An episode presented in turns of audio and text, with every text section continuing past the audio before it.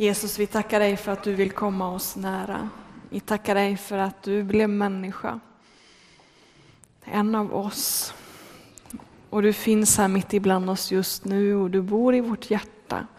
Och vi ber att vi skulle få se dig för vår inre blick i den här gudstjänsten.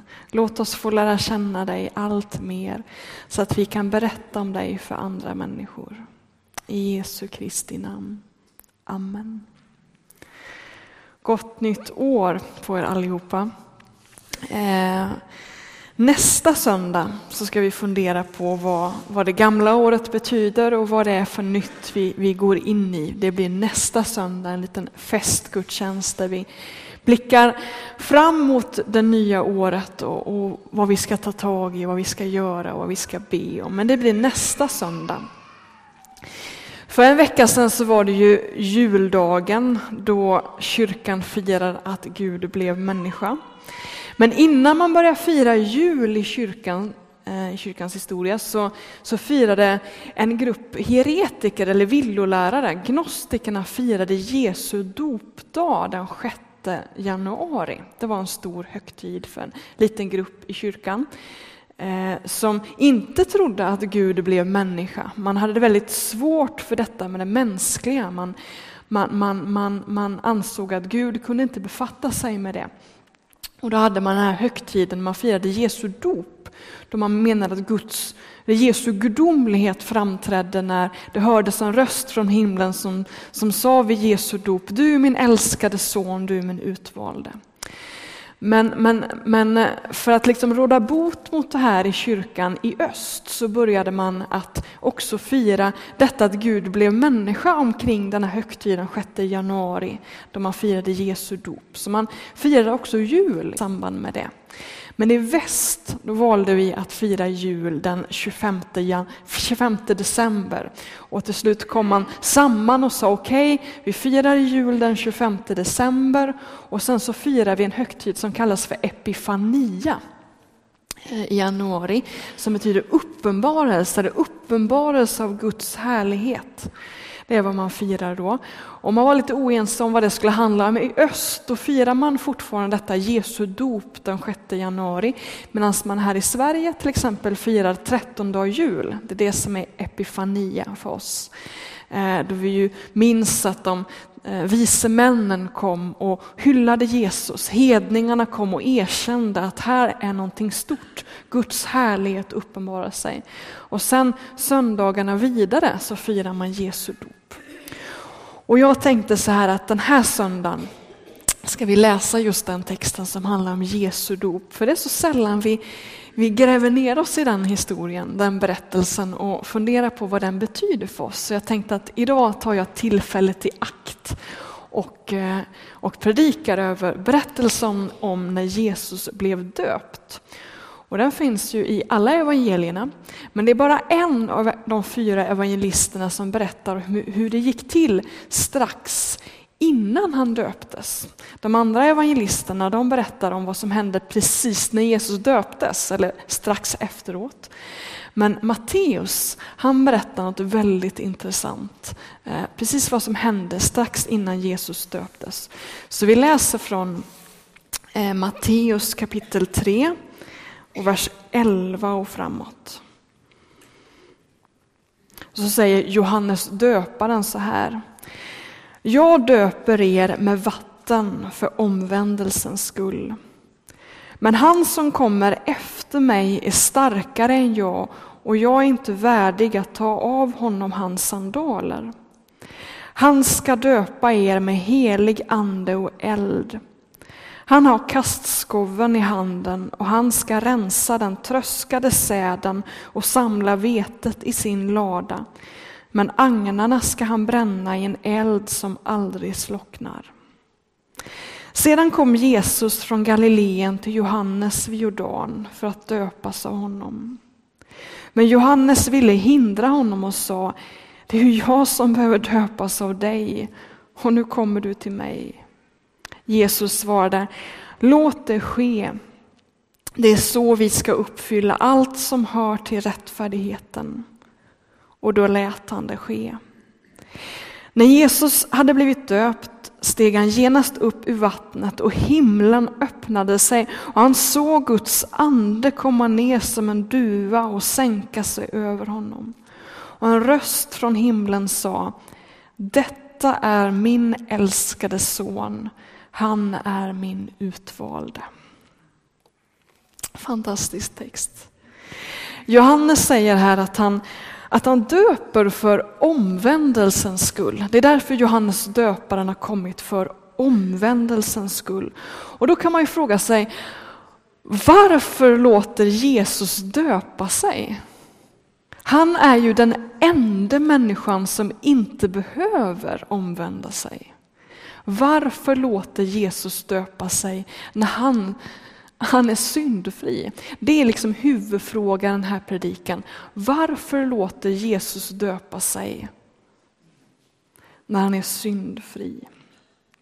Alltså Johannes döpte för omvändelsens skull och han predikade detta omvänd er, för himmelriket är nära. För judarna var himmelriket, eller Guds rike, det som skulle komma när Gud dömde världen, dömde syndarna och, och Guds rike skulle upprättas. Och man trodde att man som Guds folk eh, att, att, man själv, att, att Guds folk inte skulle dömas, de som skulle dömas var hedningarna. Men här säger Johannes döparen, men ni måste också omvända er, ni måste också förbereda er för Guds rike, ni måste också förbereda er inför domen. Det är vad Johannes döparen säger till Guds folk. Ni måste också döpa er, eller omvända er. Och dopet, det här dopet som Johannes praktiserar, det gick till så här att man, man kom fram och så bekände man sina synder innan man lät döpa sig. Det var vad man gjorde. Och sen blev dopet en slags omstart, ett nytt liv i rättfärdighet, ett slags ja, men ett omvändelsedop. Man bekände det som låg bakom och så försökte man tänka nu ska vi, ska vi försöka leva ett bättre liv. Och allt folk kom till Johannes döparen, kanske också för att han var en sån speciell figur. Man var lite nyfiken vem han var. Och man kom dit och många lät döpa sig. Och även fariseerna, saddukeerna, de religiösa ledarna i Israel kom till Jordanfloden. Men de stod där bara på avstånd och de lät inte döpa sig. Och om du tittar, tittar lite mer i Matteus där så kan du läsa om hur Johannes kritiserar fariseerna. Antagligen var de för stolta för att låta döpa sig. De förmådde inte bekänna sina synder. Eh, de ansåg sig vara fromma, de ansåg sig inte behöva omvända sig. Och Jesus kritiserar fariseerna på, på flera ställen i, i evangelien. När vi kan läsa från Lukas 7 så står det så här, när, när Jesus pratar om, eh, om Johannes döparen. Allt folket som lyssnade, också tullindrivarna, gav Gud rätt. De lät döpa sig med Johannes dop. Men fariseerna och de laglärda brydde sig inte om Guds vilja med dem. De lät inte döpa sig av honom. Så står det i Lukas 7, vers 29. Och de gav inte Gud rätt. De erkände inte att de också var syndare. Och i Matteus 23, vi ska inte läsa där, men där håller Jesus ett långt tal till fariseerna där han just betonar detta att ni är bara fromma för att, för att folk ska se det. Det är vad ni bryr er om, vad folk tycker och tänker. Och det var ju just därför de vågade inte döpa sig, de vågade inte erkänna sig som syndare. De står där och tittar på. När Johannes säger omvänd er så tänker de, det gäller inte mig, det gäller inte mig. Johannes döparen predikar också om den kommande Messias som ju skulle komma med detta rike. Eh, och han säger att Messias, han är den starkare.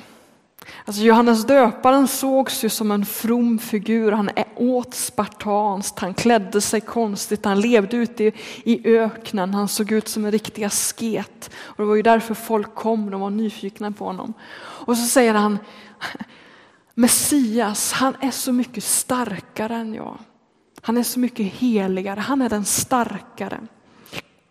Och han, han är en domare som kommer komma med en kastskovel och tröska säden. Han kommer kasta säden upp i, i, i, i, i luften och, och, och låta agnarna flyga bort och låta säden vara kvar. Eh, Messias är den som kommer mäta våra liv på en våg. Och de vars liv är för lätt, de förgås. Och han varnar för detta. Messias är den starkare. Han är domaren som kommer med kastskoven och ska tröska säden. Och just därför manar Johannes döparen folket till omvändelse. Ni måste bli redo. Och när Johannes står där och har predikat och han ska börja döpa så blir han chockad. För mitt där bland folket, de som, som vill döpa sig, de som kommer för att bekänna sina synder, där står Messias. Den starkare, han med kastskoven, han står där bland syndarna och Johannes blir chockad. Vad gör Messias här? Antingen så förstod Johannes där och då att Jesus var Messias eller så hade han hela tiden anat det. Eh, Jesus och Johannes döparen de var ju släkt. Maria, Jesu mor och Johannes döparens mor Elisabet, de var släkt. Och de hade åtminstone träffats en gång, fast då i varsin livmoder. Jag kan läsa om det i Lukas, när, när Maria kommer till Elisabet, lite förskrämd och inte riktigt vet vad hon ska göra, så kommer hon till Elisabet och Elisabet är gravid med Johannes döparen. Och när Elisabet ser Maria då, då sparkar barnet till i henne av glädje säger hon. Och då utbrister Elisabet, välsignad är du mer än andra kvinnor och välsignat är du barn du bär inom dig. Hur kan det komma att min herres mor kommer till mig? Och så blir hon uppfylld av anden. Det är vad som händer när, när fostret i Marias mage och fostret i Elisabets mage möts. Elisabet blir uppfylld av ande för Johannes döparen som foster erkänner att här kommer Messias. Han hade en känslighet för det redan i livmodern. Men vi vet inte. Men här förstår i alla fall Johannes döparen att här kommer Messias. Och han blir inte glad utan han blir bara förstummad. Vad gör du här? Bland dopkandidaterna. Enligt Johannes evangeliet så hade Johannes döparen sagt att se där är Guds lamm som borttager världens synder. Så har han sagt om Jesus. Alltså Jesus är den som tar bort världens synd, inte den som behöver få sin synd borttagen. Varför står du här, säger Johannes. Du behöver ju inte döpa dig. Du är ju domaren. Du är ju den syndfrie, du är den starkare, du är den heligare. Varför står du här? Och så säger han, det passar sig inte.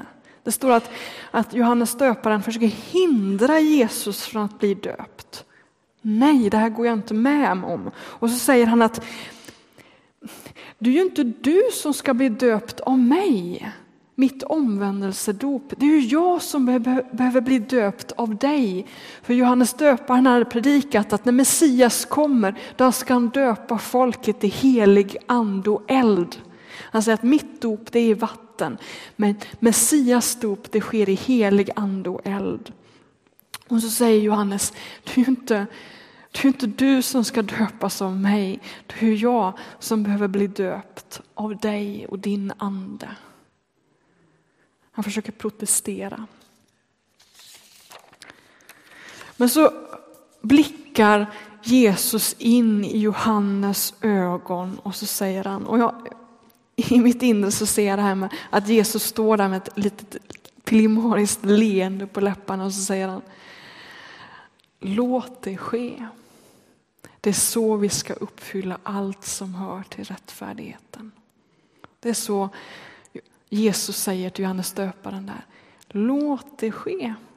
För det är så vi ska uppfylla allt som hör till rättfärdigheten. Och Johannes döparen fattar inte, han förstår inte, men han lyder. För han inser att här kommer min Herre. Jag måste lita på vad Messias säger här. Jag förstår det inte, jag tycker det är oanständigt, det är fel, det är opassande. Men okej, okay, vi låter detta ske. Och så döper han Jesus som en syndare. Och när Jesus stiger upp ur vattnet öppnar sig himlen och anden kommer ner över Jesus och så hörs den röst. Detta är min älskade son. Han är min utvalde. Hörs över hela dalen. Detta är min älskade son, han är min utvalde. Man kan översätta det lite annorlunda, man kan översätta det med detta är min älskade son, över honom vilar mitt välbehag. Så när Jesus låter döpa sig som en ödmjuk syndare så hörs den röst från himlen som säger detta är till mitt välbehag. Mitt välbehag vilar över det här dopet som du tycker är så opassande. Mitt välbehag vilar över den här stunden. Och då återstår ju den frågan, varför låter Jesus döpa sig som en syndare? Jo, han börjar sin verksamhet precis som han avslutar den. Det här var ju Jesu första offentliga framträdande. Han hade ju levt i det fördolda innan, men här är första gången han, han trädde fram. Inledningen av hans verksamhet är som den avslutande. Jesus dör som en syndare. Han dör som en syndare. Och han inleder sin verksamhet som om han vore en syndare. Det är det stora. Jesus identifierar sig med syndarna. Så mycket att han väljer att stå bland de botfärdiga dopkandidaterna där vid stranden. Han står mitt ibland dem och han låter döpa sig precis som dem trots att han egentligen är syndfri. Så identifierar han sig så starkt med dig och mig och din och min synd att han lever som en syndare. Som om han vore en syndare. Han låter döpa sig och han blir dömd som syndare.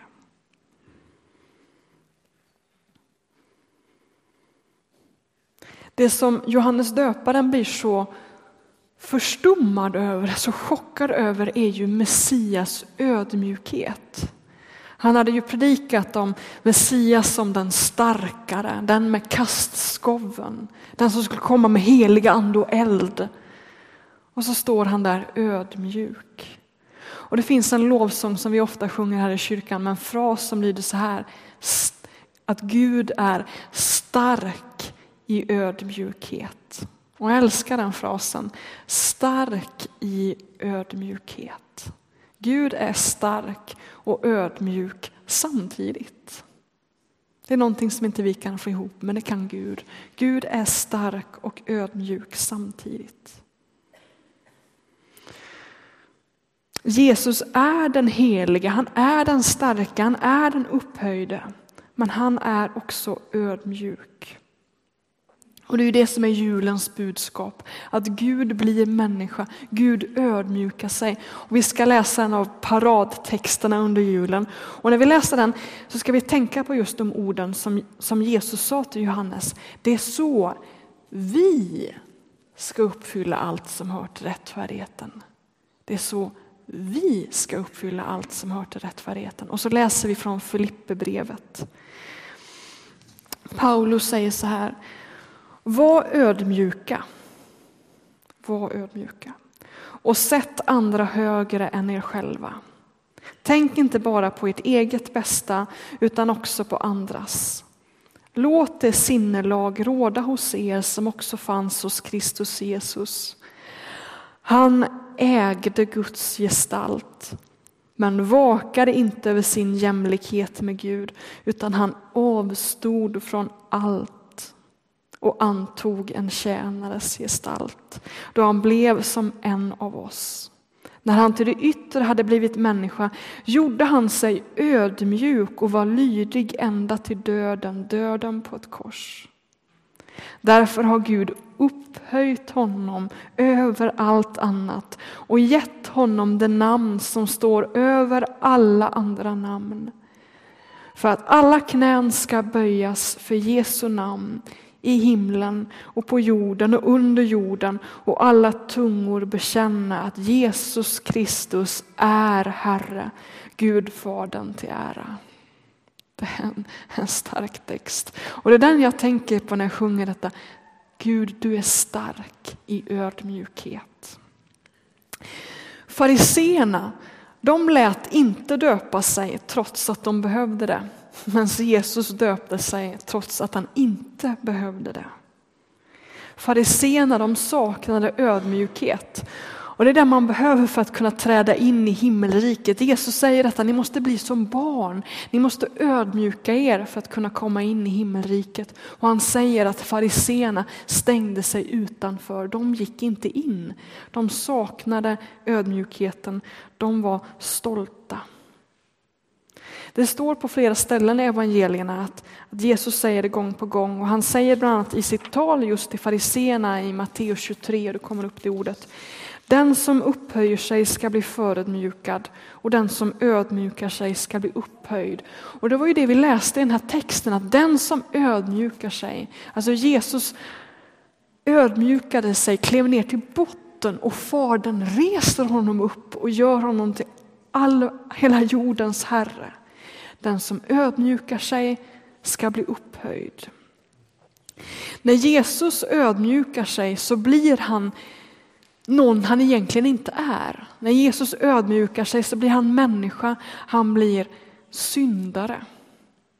Men när vi ödmjukar oss, då blir vi till det vi är, nämligen syndare. Vi erkänner vilka vi är, att vi skapade varelser, att vi också har syndat. Vi ger Gud rätt i hans uttalande om oss. Och det var ju det fariséerna inte vågade göra. Vi läser det igen, det stod ju i Lukas 7 där att, att allt folket lyssnade på, på förkunnelsen, på Johannes omvändelse, förkunnelse. Och de gav Gud rätt, men det gjorde inte fariséerna. De gav inte Gud rätt när Gud sa, ni har syndat. Att ödmjuka sig, det är att säga Gud du har rätt, jag har inte levt i enlighet med din vilja. Och när vi döps, nu har vi täckt över vår dopgrav för att ställa en julgran där. Men när vi döps så är det inte bara ett reningsbad som Johannes dop. Utan det är ett dop som sker i Faderns, Sonens och den heliga Andes namn. Vi kan läsa om det i, i slutet av Matteus evangeliet. Det är ett dop i Faderns och Sonens och den helige Andes namn. Det betyder att det där dopet, det är också ett andedop. Det är ett andedop, för det sker i Andens namn. Och när vi låter döpa oss, då säger vi, då ödmjukar vi oss och säger, jag fixar inte detta själv. Jag kan inte leva i rättfärdighet på egen hand, utan jag säger, Gud kom in i mitt liv.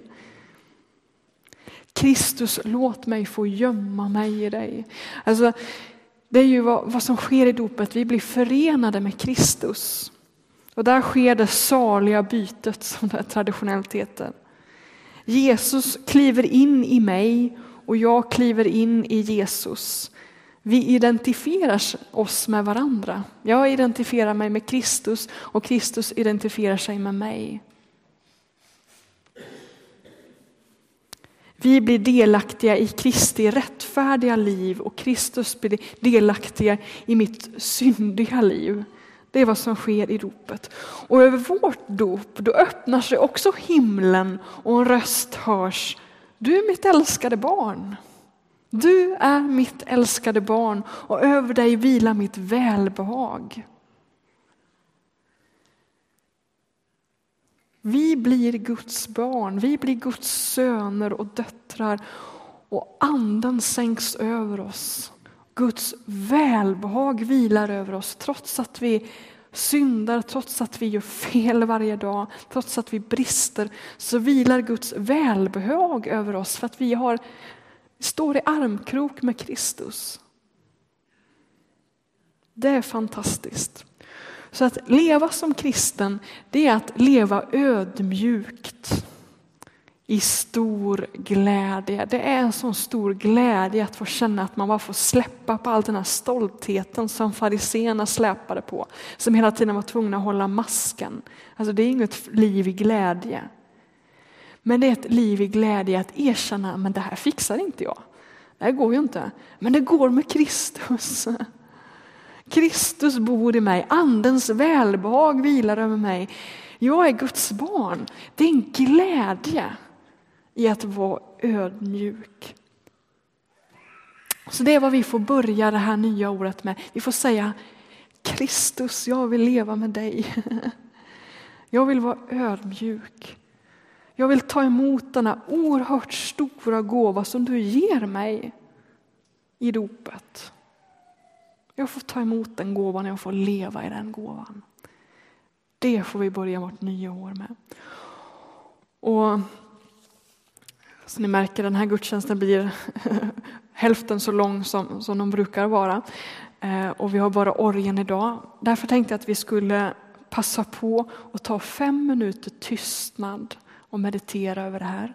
Så här brukar jag göra hemma när jag ber ibland. Jag läser en evangelietext och så använder jag den fantasi som Gud har gett mig. Och så försöker jag föreställa mig hur det här gick till, den här scenen. Och så ställer jag mig bland någon av de här aktörerna i texten. Och så försöker jag se det här framför mig. Jag försöker möta Jesu blick. För han finns ju på riktigt, han finns ju här så jag kan ju se honom. Det jag ser är inte bara fantasi utan det är verkligt. Kristus finns här, han finns här i mitt sinne. Så ta, nu, nu tar vi fem minuter tystnad då du försöker se den här scenen framför dig. Hur Johannes döparen står där och predikar sitt omvändelsebudskap om Messias som den starkare. Och så, stå, så ser du hur Jesus kommer fram till Johannes och vill döpa sig. Hur Johannes blir chockad och säger nej, nej, nej, det här passar sig inte. Och hur Jesus blickar in i Johannes ögon och säger jo, det är så vi, du och jag, ska uppfylla allt som hör till rättfärdigheten. Vi byter plats. Och Föreställ dig i din fantasi att du är Johannes döparen och står där och blickar in i Jesu ögon när han säger just detta. Det är så vi ska uppfylla allt som hör till rättfärdigheten. Och så försöker du höra Guds röst som, som, som plötsligt hörs när himlen öppnar sig och som säger detta är min älskade son. Han är min utvalde. Och försök höra det, hur, hur det också gäller dig. Vi tar fem minuter tystnad och så försöker vi se det framför oss.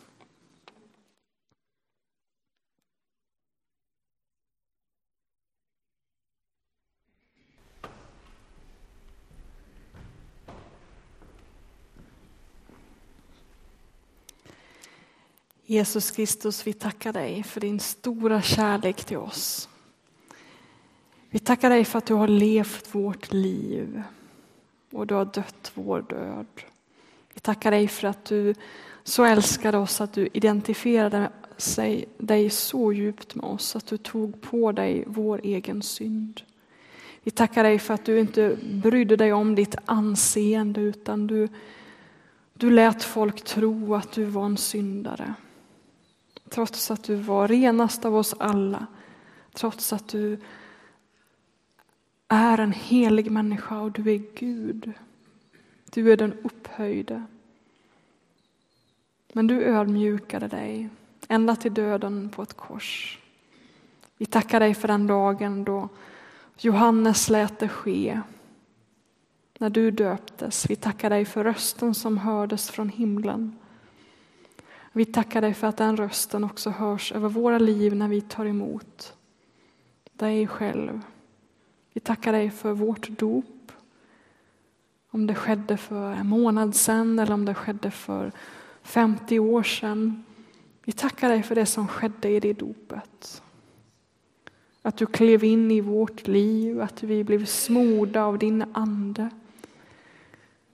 att vi får leva i den glädjen. Och jag ber för den som inte är döpt som finns i den här gudstjänsten. Jag ber att den skulle få ta emot den stora gåvan som finns i dopet. Tack att vi får gömma oss i dig. Tack att vi får ha vårt liv i dig. Tack att du tar vår synd på dig varje dag. Tack för att du förlåter oss och vi ber att vi skulle få ha den här glädjefyllda ödmjukheten. Jag ber att vi skulle få gå igenom det här året med en lätthet i stegen där vi är medvetna om vår egen svaghet men också väldigt medvetna om din styrka. Om din heliga Ande över våra liv. Låt oss få gå i den kraften det här året. Hjälp oss att ta emot din ödmjukhet och din kärlek. Hjälp oss att förstå att du vill ha med oss att göra, att du vill använda oss. Du vill så mycket med våra liv. Hjälp oss att ta emot det, Herre. Herre, vi vill prisa dig. Vi vill prisa dig, vi vill lova dig. Och vi vill ta emot din välsignelse. Herre, välsigna oss och bevara oss. Herre, låt ditt ansikte lysa över oss och var oss nådig.